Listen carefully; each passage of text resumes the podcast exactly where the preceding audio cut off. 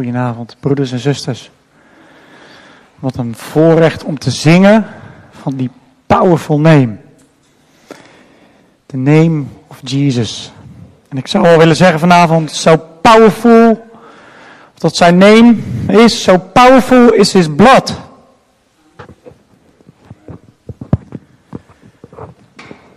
Zo powerful is zijn bloed. Zo krachtig is zijn bloed. Daar gaan we vandaag, vanavond met elkaar over nadenken. De kracht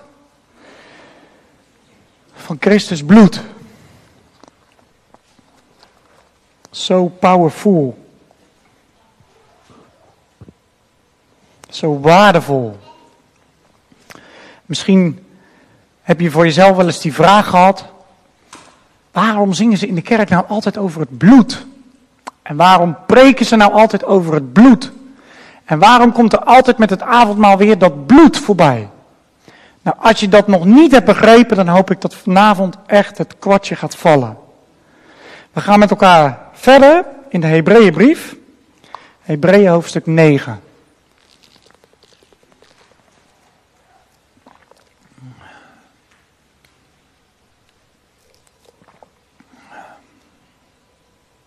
Maar voordat we dat gaan lezen, wil ik kort bidden. Hemelse Vader, u ziet dat ik vermoeid ben. Dat we vanmiddag een heerlijke doopdienst mochten meemaken. Maar Vader, ik dank u dat uw kracht in zwakheid wordt volbracht. En ik bid u, Heer, dat u door mij heen wil spreken. Dat het uw woorden zullen zijn die uit mijn mond naar voren komen. En dat uw woorden, Heer, in de harten zullen neerdalen. En ik bid u, Vader, dat het ook de goede aarde zal zijn waarin het zaad mag vallen. Dat de boze niet de ruimte zal krijgen om het zaad weg te pikken. Dat de zorgvuldigheden van het leven niet de kans krijgen, Heer, om het zaad te verstikken.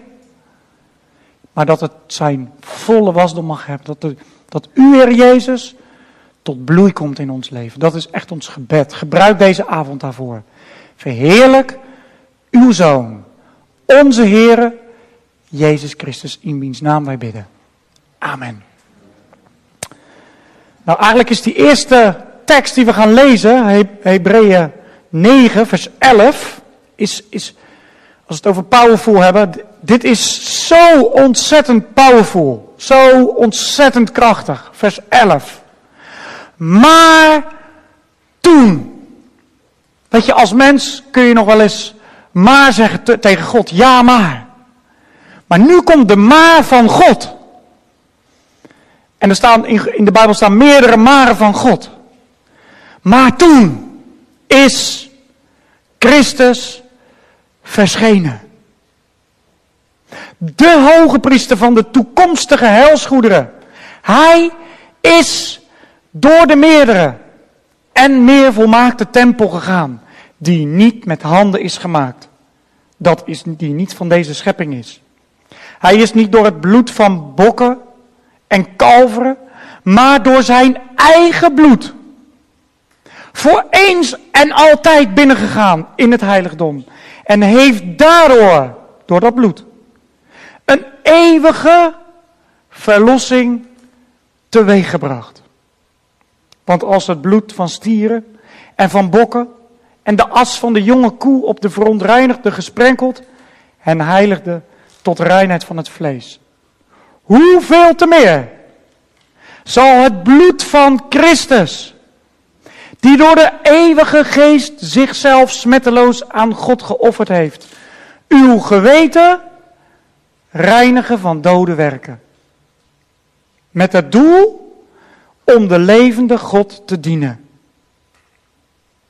En daarom is hij de middelaar van het nieuwe verbond. Opdat nu de dood heeft plaatsgevonden tot verzoening van de overtredingen die er onder het eerste verbond waren, de geroepenen de belofte van de eeuwige erfenis ontvangen. Immers, waar een testament is, daar is het noodzakelijk dat de dood van de testamentmaker van het testament vastgesteld wordt. Want een testament is bindend na iemands dood. Het wordt immers nooit van kracht zolang de maker van het testament nog leeft. Daarom is ook het eerste niet zonder bloed ingewijd. Want nadat elk gebod overeenkomstig de wet aan heel het volk door Mozes meegedeeld was, nam Mozes het bloed van de kalver en van de bokken met water en scharlakenrode wol en hyssop en besprenkelde het boek zelf en heel het volk. Terwijl hij zei, dit is het bloed van het verbond dat God u bevolen heeft te houden. Ook de tabernakel en al de voorwerpen voor de eredienst besprenkelde hij op dezelfde manier met het bloed. En bijna alles wordt volgens de wet door bloed gereinigd. En zonder het vergieten van bloed vindt er geen vergeving plaats. Het was dus noodzakelijk dat de afbeeldingen van de dingen die in de hemelen zijn hierdoor gereinigd werden. Maar de hemelse zelf door betere offers dan deze. Want Christus is niet binnengegaan in het heiligdom dat met handen gemaakt is. Dat is het tegenbeeld van het ware. Maar in de hemel zelf. Om nu voor het aangezicht van God te verschijnen voor ons. En dat niet om zichzelf dikwijls te offeren. Zoals de hoge priester elk jaar in het heiligdom binnengaat met bloed dat niet van hemzelf is. Want dan had hij vanaf de grondlegging van de wereld dikwijls moeten lijden. Maar nu is hij bij de voleinding van de eeuwen eenmaal geopenbaard. Om de zonde te niet te doen. Door zijn offer. En zoals het voor de mensen beschikt is dat zij eenmaal moeten sterven en dat daarna het oordeel volgt. Zo zal ook Christus, die eenmaal geofferd is om de zonde van velen weg te dragen, voor de tweede keer zonder zonde gezien worden door hen die hem verwachten tot zaligheid. Tot zover. Amen. Misschien duizelt het wel. En dat duizelt mij ook. Als ik dit nu opnieuw lees, terwijl ik het misschien wel vijftig keer gelezen heb. Het duizelt mij nog. Er staat zo ontzettend veel in. Daarom vind ik het ook zo, zo fijn dat we met elkaar tekst voor tekst doorgaan. En dat we met elkaar proberen het, het verband en eigenlijk het, uh, hoe moet ik het zeggen, um, de kern van wat de Hebreeënbriefschrijver ons wil meegeven met elkaar kunnen gaan pakken. Dat we dat straks goed in ons hoofd hebben. Maar toen. Nou, die maar die komt niet uit de lucht vallen. Vorige week hebben we, of twee weken geleden, hebben we met elkaar uitvoerig nagedacht over het oude verbond en de hele tabernakeldienst. We zijn met elkaar als het ware met het volk van Israël meegereisd en we zijn we hebben een ontmoeting gehad met de levende God. We gingen door de poort heen. We kwamen op het voorhof bij het altaar. We gingen langs het wasvat. We kwamen in het heiligdom. Daar werd het beschenen in het duister door het licht van de wereld, de kandelaar, de toonbroden, het heilige avondmaal, het brood, het, eh, het lichaam van Jezus. We zagen het reukwerk, de aanbidding en het gebed.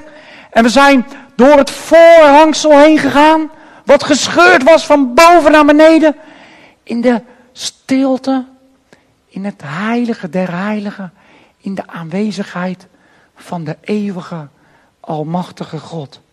En in dat heilige der heiligen, daar vonden we de ark. En op die ark stonden twee engelen. En in die ark lag als het ware de regels van het verbond. De tien woorden, of zoals bij ons bekend, de tien geboden. En op dat deksel lag bloed. Het bloed van stieren en van bokken. En we hadden gezien dat het een goed verbond was. Het was een goede afspraak. Maar het was nog niet tot volmaaktheid gekomen. En dat zegt vers 10. Het betrof hier alleen voedsel, dranken en verscheidene wassingen, vleeselijke verordeningen die opgelegd waren tot op de tijd van een betere orde. Die hele schitterend mooie tabernakeldienst en die tempeldienst, die snakte als het ware naar vervulling. Dat riep als het ware, er moet een nieuw offer komen. Er moet een nieuw verbond komen. Eén waarin het voor eens en voor altijd klaar is met de verzoening. En dan komt vers 11 in ons beeld, in ons gezichtsveld. Maar toen, op de tijd van de betere orde, waar de hele schepping als het ware naar heeft gesnakt. En waar de mensheid naar snakte en waar het volk van Israël naar snakte. De Messias, de Verlosser, de koning van het nieuwe verbond, de middelaar van het nieuwe verbond en de borg. Allemaal woorden die we tegen zijn gekomen. De borg van het nieuwe verbond. Maar toen is Christus verschenen. Als het ware staan we nog met elkaar in gedachten in de tabernakel. En we zien die hoge priester elke keer voor zichzelf de verzoening doen. De offeranden brengen voor zijn eigen zonde. En we zien elke keer die priesters met elkaar dag in dag uit de offers brengen. En het roept om vervulling. Maar toen is Christus verschenen. In de volheid van de tijd werd Jezus geboren. Het licht van de wereld. Hij is verschenen. En wat is het voor iets? Wat is het voor iemand? Het is de hoge priester. We hebben daar uitvoerig met elkaar over nagedacht. Niet zomaar een hoge priester uit de orde van Aaron, maar één naar de orde van Melchizedek. Hij die voor eens en voor altijd, voor eeuwig hoge priester is van het nieuwe verbond. De hoge priester van de toekomstige, wat in de toekomst ligt, heilsgoederen. Moeilijk woord hè, vind ik ook. Ik, ik, ik probeer altijd, probeer moeilijke woorden maar eenvoudig te maken. Wat is nou heil? Wat is nou heil? Als we heil omdraaien, onheil, dat is angstaanjagend. Maar heil is als het ware de verlossing. Dat is de redding. Dat is de volzaligheid van Jezus zelf. En dan van de toekomstige verlossingsgoederen. Eigenlijk alles wat nog in de belofte, in de toekomst voor ons weg ligt. In de belofte. De hele eeuwige zaligheid. De eeuwige gemeenschap met Jezus. Hij is verschenen als hoge priester van de toekomstige heilsgoederen.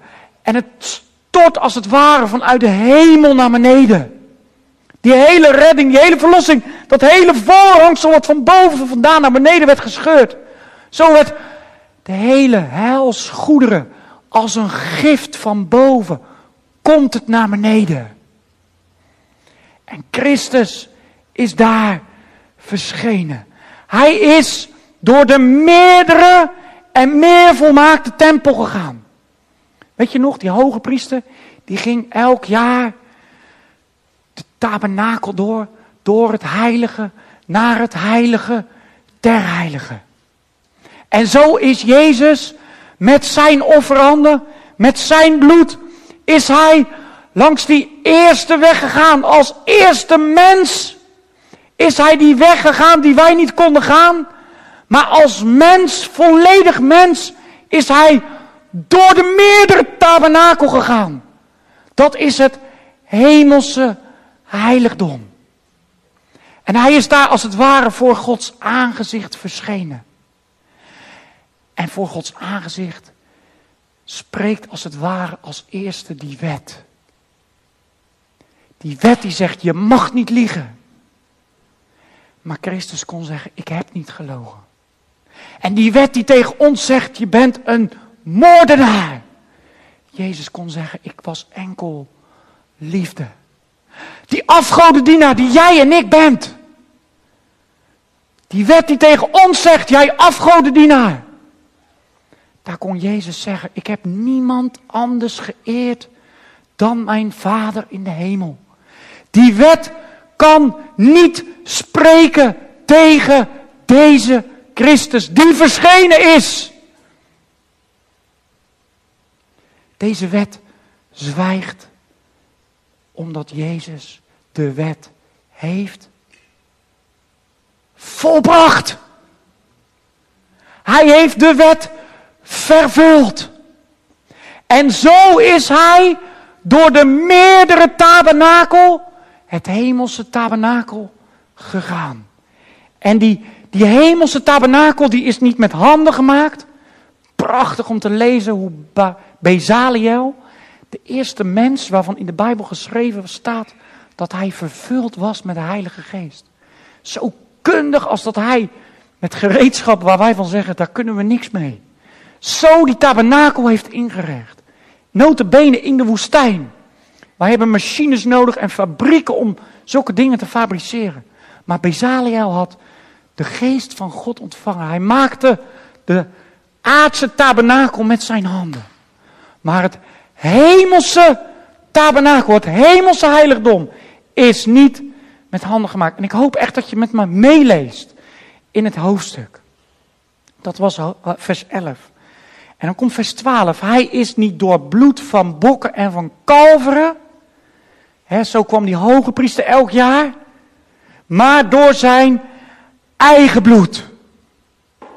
Christus hoefde dus niet aan de hand te nemen, een lammetje, om daarmee verzoening te doen. Nee, hij kwam met zijn eigen bloed. Hij kon tegen de Vader zeggen, die in de hemel was, in het hemelse heiligdom. Vader, aanschouw mijn bloed. Wat uit mijn wonden is gedropen. En uit mijn zij en uit mijn voeten. Dat bloed.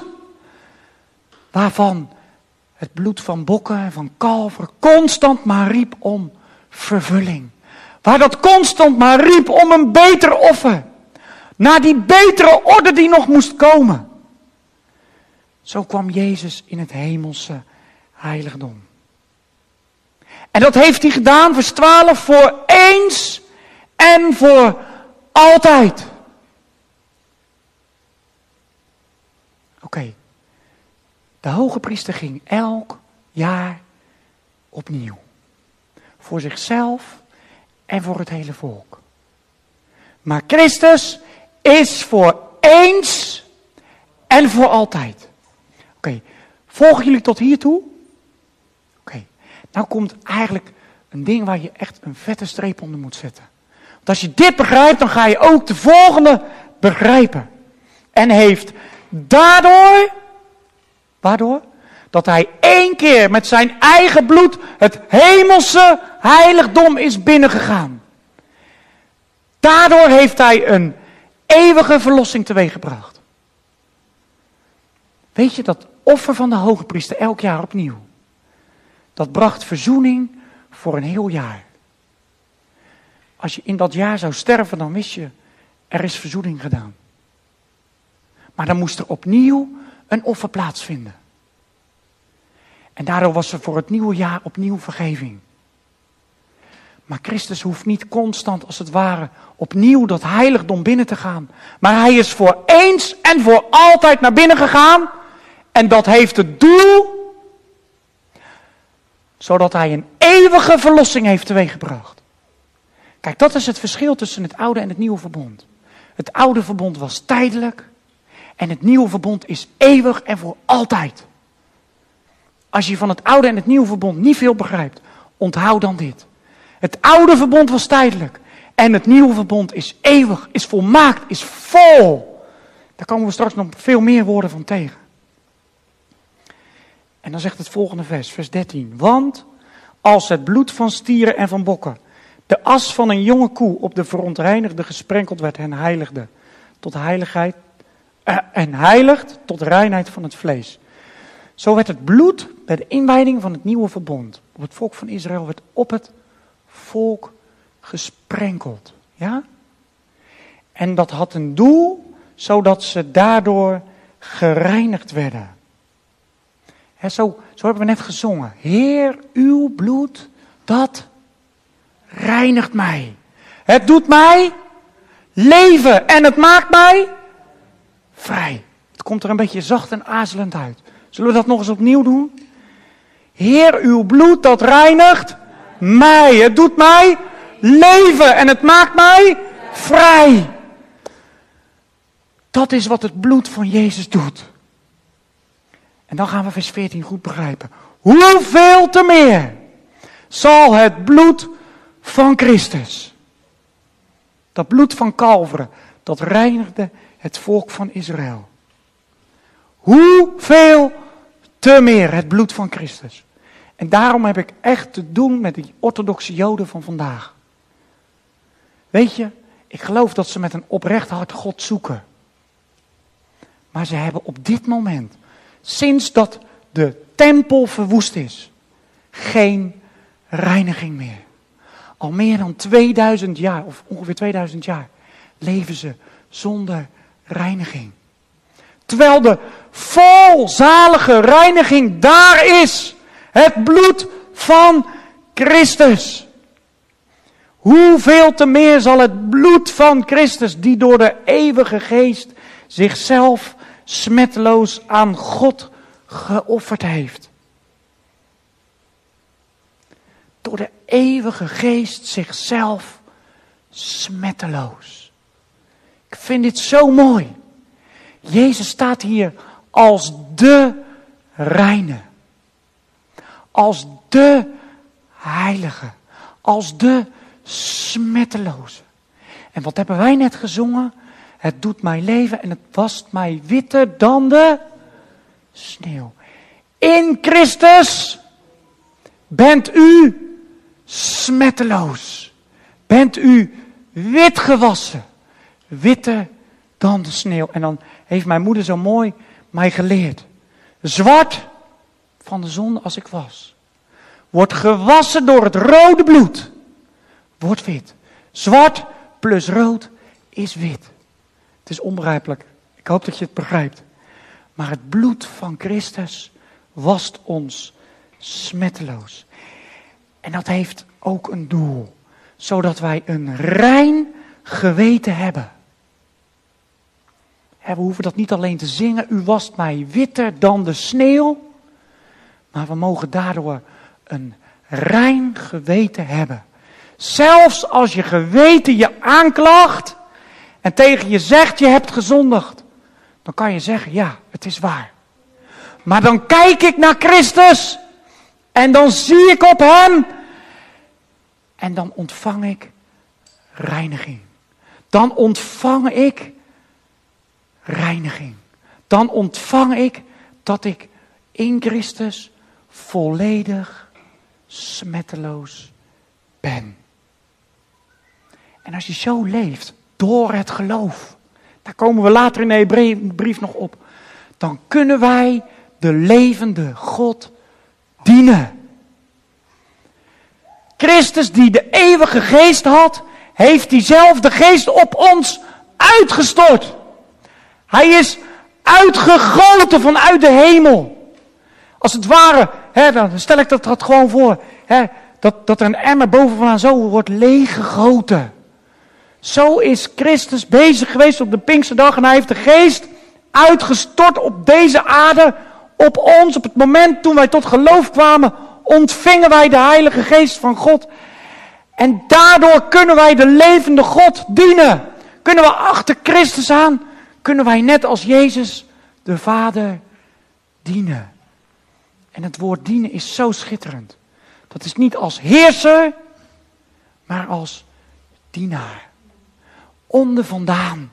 Elkaar opduwen. Elkaar opduwen naar boven toe. Niet elkaar zo. Dat doen de machthebbers van deze wereld. Ik ben machtiger en ik probeer jou onder mijn duim te krijgen. Maar het heersen en het dienen in Gods koninkrijk is zo. Broeder, je bent hetzelfde als ik. Je bent meer als ik. En ik probeer je nog hoger te krijgen. Dichter bij Jezus. Dichter naar Christus toe. En daarom is die hoge priester Christus de middelaar van het nieuwe verbond, vers 15. Daarom is hij de middelaar. Die weg die wij niet konden bewandelen. Die scheiding die er was door het gordijn. De hele tabernakeldienst heeft Christus weggenomen. En hij staat daar zelf. Later in de Hebreeënbrief komt het over, die, over dat voorhangsel. En dan zegt de Bijbel, dat is zijn vlees. Christus zelf is als het ware dat voorhangsel. Dat is die middelaar. Hij staat er tussenin. En hij vangt jou op als het ware. En je mag schuilen achter wat hij gedaan heeft En als je achter hem schuilt, dan ziet God jou als smetteloos. Dan kan je met een rein geweten de levende God dienen. Opdat nu de dood heeft plaatsgevonden tot verzoening van de overtredingen die er onder het eerste verbond, verbond waren, de geroepenen de belofte van de eeuwige erfenis ontvangen. Moeilijke tekst, hè? Ik struikelde bijna over in het voorlezen. Opdat nu de dood heeft plaatsgevonden tot verzoening. Laten we maar gewoon regel voor regel lezen. De dood heeft plaatsgevonden tot verzoening. Christus moest sterven. De dood moest plaatsvinden. De ziel die zondigt, moet de dood sterven. En Christus had niet gezondigd, maar is wel onze dood deelachtig geworden. Hij heeft onze dood op zich genomen. Tot verzoening van de overtredingen die er onder het eerste verbond waren. Zelfs voor degenen die er waren. Voor de geboorte van Christus. Denk aan Mozes. Denk aan David. Denk aan al die mensen voor Christus. Ook het bloed van Christus geldt voor hun. Want ook zij verwachten die middelaar. Christus. Zij verwachten zijn komst. Even kijken hoor. Die er onder het eerste verbond waren. De geroepenen de belofte van de eeuwige erfenis ontvangen. Kijk, die geroepenen, dat zijn wij. Wij zijn die geroepenen. God roept ons als het ware elke keer toe. Niet alleen hier vandaag in de dienst, maar de eerste keer dat u Christus stem hoorde, riep hij u toe. Laat u redden. Kom tot mij. En zo zijn wij geroepen door het woord tot geloof in Christus. En wij hebben een eeuwige erfenis ontvangen. Een eeuwige erfenis. Zie je, we hebben net al, net zei ik al, het nieuwe verbond spreekt helemaal van, van volheid. Hè? Het stroomt als het ware aan alle kanten over. Hè? En dan, toen hadden we het over de, de eeuwigheid. De eeuwige verlossing. En hier gaat het over de eeuwige erfenis ontvangen. En nou komt er eigenlijk een stukje, dan gaat hij uitleggen wat is nu die erfenis. En nu komt er eigenlijk een heel eenvoudig voorbeeld als ik, als ik uh, stel, ik, ik, ik, heb, uh, ik, heb, uh, ja, ik, ik ga een testament maken. Stel je nou eens voor dat Hilma en ik met elkaar afspreken van, nou, alles wat wij achterlaten, dat, dat wil ik verdelen. En Jisma en Hanna krijgen hun deel. En ik wil misschien ook een deel aan, aan, de gemeente geven. En ik wil nog een deel in de stichting stoppen. Nou, zo vermogen ben ik helemaal niet, hoor. Maar, maar stel je voor. En dan, dan is dat testament is pas geldig op het moment dat Hilma en ik zijn overleden. Eerder, dan ligt dat testament daar bij de notaris in zijn kluis. En dan ligt dat daar maar te liggen. Dat is dus een testament. En op het moment dat Hilma en ik zouden overleden zijn, dan kunnen we, kunnen Jisma en Hanna kunnen naar de notaris en dan zeggen ze, mijn ouders zijn overleden, overleden. Waar is dat testament? Hoe heeft, hebben mijn ouders gewild dat wat er zou gebeuren met wat ze hebben achtergelaten? En dan is dat van kracht. Eerder niet. Nou, zo is het dus ook met de eeuwige erfenis.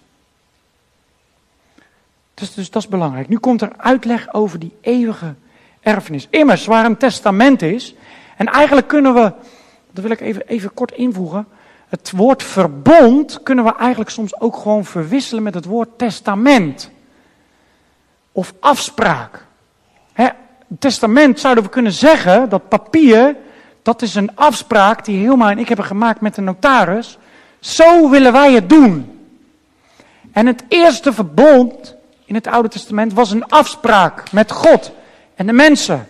Het volk van Israël. God had gezegd, jullie moeten dit doen, dan zal ik dit doen. Jullie moeten in mijn wegen wandelen, dan zal ik jullie zegenen. Als jullie dat niet doen, dan zal ik komen met de vervloekingen. Ja? Dat waren Gods afspraken. Nu komt er een afspraak tot een eeuwige erfenis. Immers waar een testament is, daar is het noodzakelijk dat de dood van de maker van het testament vastgesteld wordt. Want een testament is bindend na iemands dood. Ik denk dat ik dat wel duidelijk heb uitgelegd. Het wordt immers nooit van kracht zolang de maker van het testament nog leeft. Daarom is het eerste niet zonder bloed ingewijd. Dus God heeft altijd als het ware, bij het eerste verbond is er al bloed gevloeid kwam er al bloed in aanmerking en als er bloed is, dan is daar dood geweest. En het eerste verbond was heel bloederig. Als je beseft hoeveel miljoenen liters bloed er hebben gevloeid onder het eerste verbond. Om te laten zien dat de dood van de testamentmaker, als het ware, dat die belofte van kracht was. Want na elk gebod overeenkomstig de wet aan heel het volk door Mozes meegedeeld was, nam hij het bloed van kalveren en van de bokken met water en schalade, rode vol en hyssop en besprenkelde het boek, dus de Torah, en heel het volk. En Mozes zei het volgende. Dus op het moment dat het verbond werd ingewijd, van kracht ging, zei Mozes dit. Dit is het bloed van het verbond dat God u bevolen heeft te houden. Nou weten wij het antwoord. Heeft het volk van Israël dit verbond gehouden? Ze zeiden allemaal amen. Maar de, zelfs de volgende dag struikelden zij al bij velen. Denk eens na wat er in die 40 jaar daarna allemaal gebeurd is. En in de tijd van de richteren. En in de tijd na David, bij Salomo. Salomo die ging al de afgoden dienen. En al die koningen. Het is ene grote afgoderij geweest in het volk van Israël. Ze konden de afspraak, het verbond, het testament niet houden. Ook de tabernakel en ook al de voorwerpen voor de eredienst besprenkelde hij op dezelfde manier met bloed. En bijna alles wordt volgens de wet door bloed gereinigd. En zonder het vergieten van bloed vindt er geen vergeving plaats. Kijk, dit is dus de kern van het evangelie. Hè? Dat is vergeving. En hoe is er vergeving gekomen? Door het bloed van Christus. Zonder bloed is er dus geen vergeving. En onder het eerste verbond riep dat bloed constant om vervulling. Riep dat bloed constant. Er moet een beter offer komen. Er moet een volmaakt offer komen. Er moet een middelaar komen van een beter verbond. En nu is dat verbond in werking gegaan. Want de dood van de testamentmaker is vastgesteld. Christus is begraven. Hij is, gekruis, hij is gekruisigd, hij is gestorven en hij is begraven. Drie dagen. En in het oude Israël betekende dat dat de staat van ontbinding was begonnen. Want wat gebeurde er op het moment dat Jezus bij het graf van Lazarus kwam, na drie dagen? En Jezus zei, maak het open. Toen zeiden ze, nee, niet doen. Want het, hij ligt hier al drie dagen, het gaat stinken. Dus na drie dagen betekent het dat je echt dood bent. De dood van de testamentmaker is vastgesteld. De dood van Christus is vastgesteld. En daarom zijn zijn beloftes ja en amen. Daarom is datgene wat hij gezegd heeft, datgene wat hij beloofd is, heeft van kracht. Zijn beloftes zijn van kracht omdat hij is doodgegaan. En de dood had niet het laatste woord, maar hij is opgestaan. Hij leeft. Toen we onderweg hier naartoe waren, zongen we met de kinderen het liedje van Ellie en Rickert. Weet je wel dat Jezus leeft? Zo powerful. Weet je wel dat Jezus leeft? De dood had niet het laatste woord. Het was dus noodzakelijk dat de afbeeldingen, vers 23, van de dingen die in de hemel zijn, daardoor gereinigd werden, maar de hemelse dingen door een betere offers dan deze. Dus dat aardse tabernakel, werd gereinigd door het bloed van stieren en van bokken. Maar het bloed van stieren en van bokken kon het eeuwige heiligdom niet reinigen. Daar moest een beter bloed voorkomen. Dat was het bloed waar we mee begonnen zijn. Maar toen is Christus verschenen. De hoge priester van de toekomstige helsgoederen. Hij is door de meerdere en meer volmaakte tempel gegaan. Die niet met deze handen is gemaakt. Met zijn eigen bloed. Het enige offer dat telt. Vers 24, want Christus is niet binnengegaan in het heiligdom dat met handen gemaakt is. Dat is het tegenbeeld van het ware. Dat komt eigenlijk constant terug hè, in die Hebreeënbrief. Heel de tijd dat aardse heiligdom en heel de tijd dat hemelse heiligdom. Heel de tijd dat oude, dat roept om vervulling. En heel de tijd het nieuwe, dat spreekt van volmaaktheid. Dat spreekt van zaligheid. Dat spreekt van vergeving. Van eeuwige zaligheid. Van... Het stroomt maar over in het nieuwe verbond. De hemel die niet met de, uh, het, het heiligdom dat niet met handen is gemaakt, maar het is het tegenbeeld. Het is precies het omgedraaide, maar in de hemel zelf. Om nu voor Gods aangezicht te verschijnen voor ons. Kijk, dat typeert alles wat Jezus heeft gedaan. Niet voor zichzelf, maar voor ons. Voor jou en voor jou en voor jou en voor mij. Wat Jezus heeft gedaan, dat is voor jullie gedaan. Voor ons gedaan. Met dat bloed is hij het hemelse heiligdom binnengegaan voor ons. Voor ons. Ik hoop dat je dat diep in je hart bewaart. Zoals Maria de gebeurtenissen bewaarde in haar hart. Wat Jezus heeft gedaan, dat deed hij voor mij. Lees je eigen naam hierin. Als je je nog niet geroepen weet, weet dan wat Jezus deed, dat deed hij voor ons. En dat niet om zichzelf dikwijls te offeren, zoals de hoge priester dikwijls elk jaar in jaar uit het heiligdom binnenging met het bloed, dat niet eens van hemzelf was. Want dan had hij vanaf de grondlegging van de wereld dikwijls moeten lijden. Die hoge priester moest jaar in, jaar uit. Maar Christus is eenmaal, voor eens en voor altijd binnengegaan. Voor ons. En hij hoeft daarom niet keer op keer te lijden, maar één keer was genoeg. En daarom zei ik aan het begin, zo powerful, zo krachtig is het bloed van Christus. Voor eens en voor altijd. Maar nu is hij bij de voleinding van de eeuwen eenmaal geopenbaard om de zonde te niet te doen. De zonde ligt onder hem.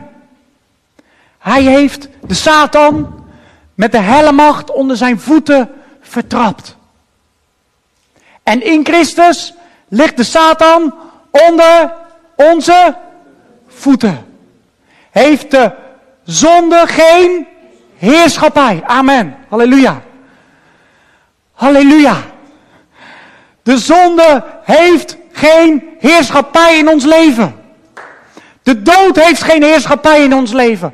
Omdat u in Christus door het geloof met Hem verenigd bent. Omdat u met Hem begraven bent. Omdat u met Hem bent opgestaan. En dat u met Hem opgevaren bent naar de hemel. U bent al in de hemel. En met twee voeten loopt u hier op aarde. En alles hier op aarde, het kan ons aankleven, het kan ons laten struikelen. Maar het heeft geen heerschappij meer over ons. Omdat wij in Christus zijn. En Hij heerst in ons. Hij is onze koning. Hij is onze middelaar. Hij is onze borg. De borg van het eeuwige verbond. Van de toekomstige heilsgoederen. Wauw. Deze Jezus dien ik. Deze Jezus, die volg ik van dag tot dag. En hem wil ik dienen. Amen. En zoals het voor de mensen beschikt is dat zij eenmaal moeten sterven en daarna het oordeel volgt. Komt er een moeilijke tekst. Ik hoop dat ik jullie erin mee kan nemen. En zoals het voor de mensen beschikt dat zij eenmaal sterven en daarna het oordeel volgt. Ik, ik, ik probeer jullie mee te nemen. Want dit is, dit is echt belangrijk. Ik weet niet hoe u staat tegenover de dag van de dood. Of dat u vol angst naar deze dag kijkt en denkt. Ah! Of dat u ziet op Christus. Want Christus is gestorven en hij heeft het oordeel voor ons weggenomen. Hij heeft het oordeel gedragen.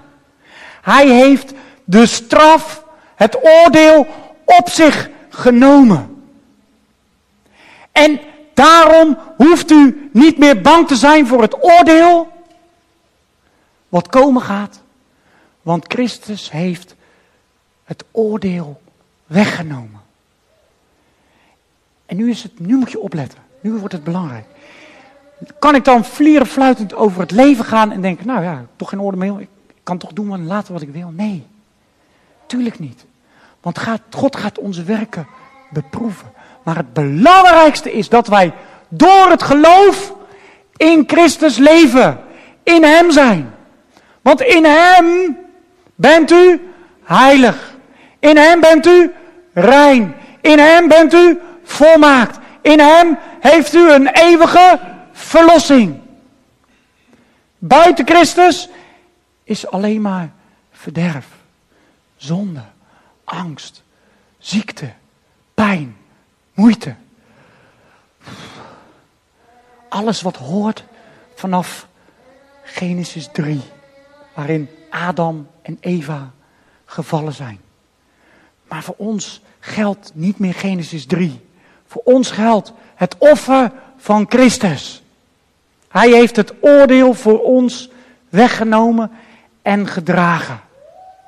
Ja, ook wij zullen sterven als Jezus nog niet is teruggekomen. Maar dan is de dood geen angst aanjagende dag.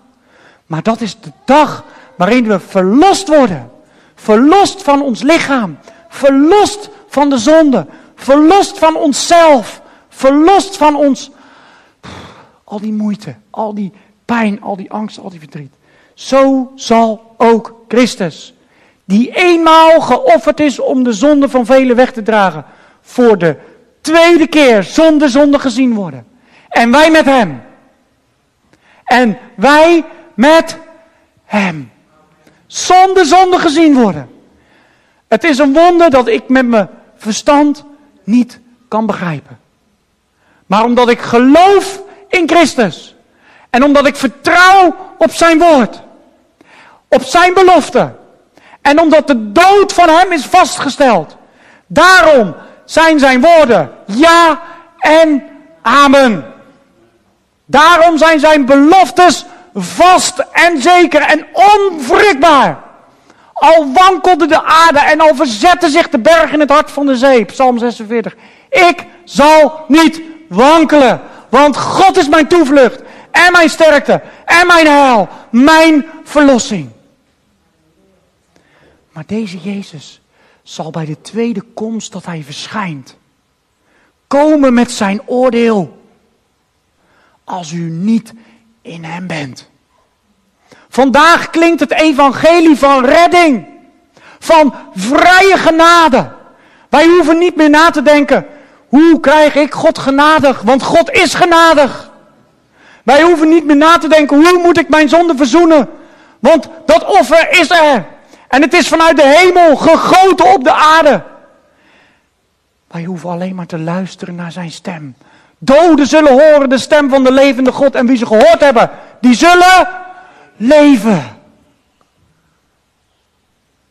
Maar degene die ongehoorzaam, ongelovig op dit aanbod afwijzen. Voor hen zal Christus komen in toorn met oordeel. Laten we dat lezen. Thessalonicense. Of Timo, ik denk Timotheus. Kijk hoor.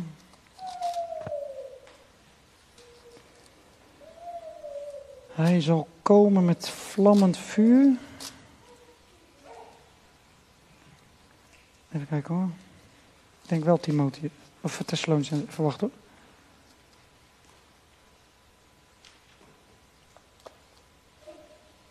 Even kijken. 2 Thessalonicense 1, vers 8. Ik probeer dat er even bij te pakken.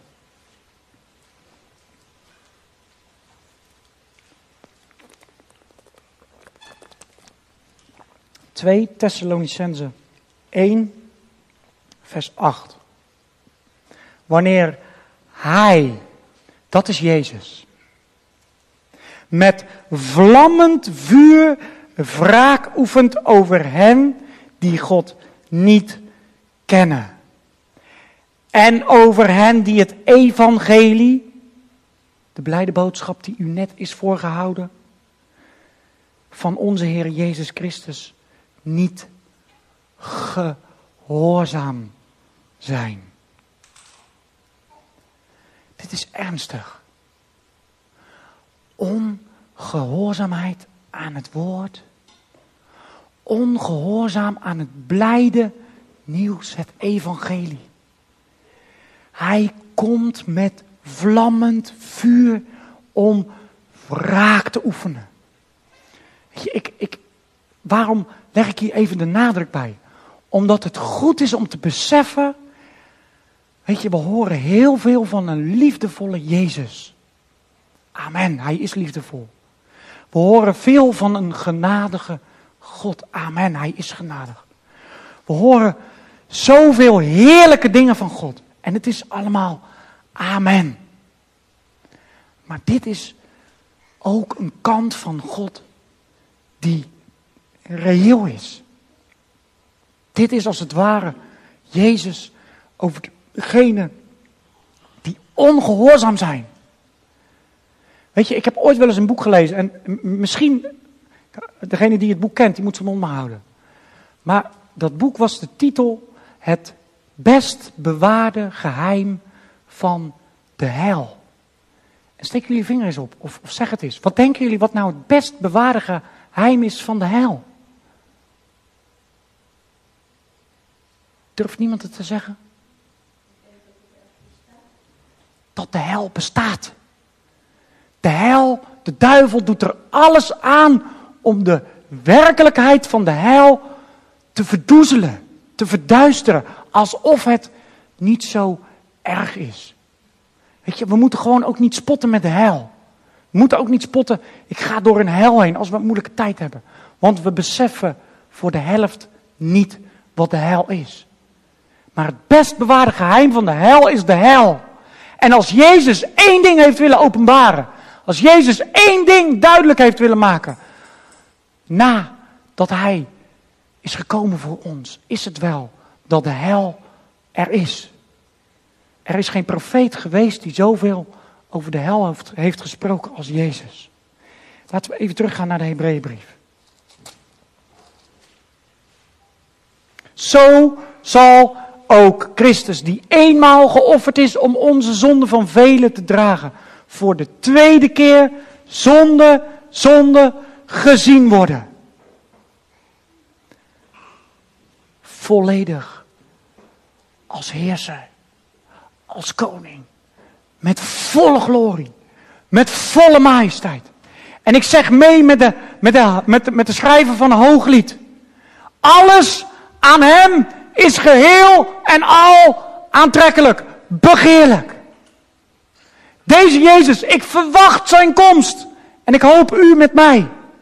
Ik verwacht hem. En hij gaat straks komen in zijn volle glorie. Met zijn volle majesteit. Met zijn volle macht. met zijn volle kracht. Maar voor degenen die ongehoorzaam zijn, is dat het oordeel. Het vlammende vuur. Maar voor hen die hem verwachten, is dat het laatste woord. Zaligheid. Wat een woord. Zalig hij die in dit leven Jacobs God tot een hulpe heeft. Psalm 128, onze trouwpsalm. Wel gelukzalig is hij die de Heere vreest. En de laatste tekst van Hebreeën 9 zegt, wie hem verwachten tot zaligheid. Wat een, wat een heerlijk woord. Wat een evangelie hebben wij.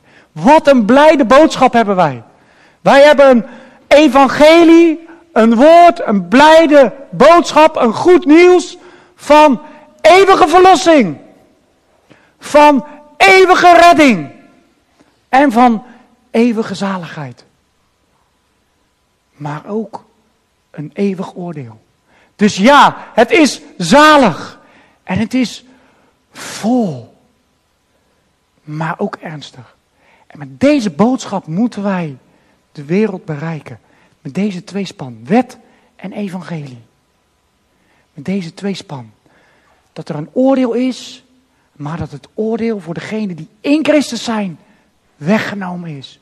Omdat Hij het oordeel heeft gedragen. Hij is als het ware door het oordeel heen gegaan. En zie wat het Jezus gekost heeft. Het kostte hem alles. Het kostte hem zijn leven. Het kostte hem de kruisdood. Het kostte hem om als een lam dat stom is voor het aangezicht van zijn scheerders te gaan. Als de man van smarten. Maar wij delen in zijn toekomstige heilsgoederen. Wij leven in zijn belofte. Wij hebben de toekomst, de eeuwige toekomst voor ons. En die pakken we vast. Want zijn beloftes zijn ja en amen. Halleluja. Amen. Hemelse Vader, ik wil u bedanken. Heer, want uw kracht wordt werkelijk in zwakheid volbracht. Heer, dank u wel voor de kracht die er is in het bloed van het lam. Dank u wel, Heer Jezus, dat u eenmaal met uw eigen bloed de hemelen bent doorgegaan. En dat u daarom een eeuwige verlossing heeft teweeggebracht. Dat u met uw bloed eenmaal bent binnengegaan. En dat wij in uw overwinning mogen staan. Waar is dan de roem? Hij is uitgesloten. Want wie roemt, die roemen in de Heer. En zo willen wij u prijzen. Zo willen wij u eren. Zo willen wij u eren als onze Heer. Als onze zaligmaker. Als onze koning. En we willen u volgen, Heer Jezus. We willen u dienen, o God. We willen elkaar dienen, o God, om ons elkaar dichter bij u te brengen, o God. Om niet over elkaar te heersen, maar elkaar te dienen en bij te dragen aan elkaars blijdschap, o God. Vader, dank u wel voor deze avond. Dank u wel. Heer, dat we met elkaar aandachtig mochten luisteren naar uw woord. Heer, het was misschien soms ingewikkeld. Maar geef dat we de kern met elkaar mogen pakken. Dat het bloed van Christus zo krachtig is. Dat er geen druppel bloed van ons bij hoeft. Dat we niets meer hoeven toe te voegen aan het volmaakte en volbrachte werk van Jezus. Halleluja. U zij de glorie tot in eeuwigheid. En Heer Jezus, wij verwachten U. We zien uit naar uw komst. Die blijde dag. De dag dat de bezuin zal klinken. Dat u ons zal wegnemen. En dat we eeuwig zullen delen in uw zaligheid. Halleluja. Amen. Is er iemand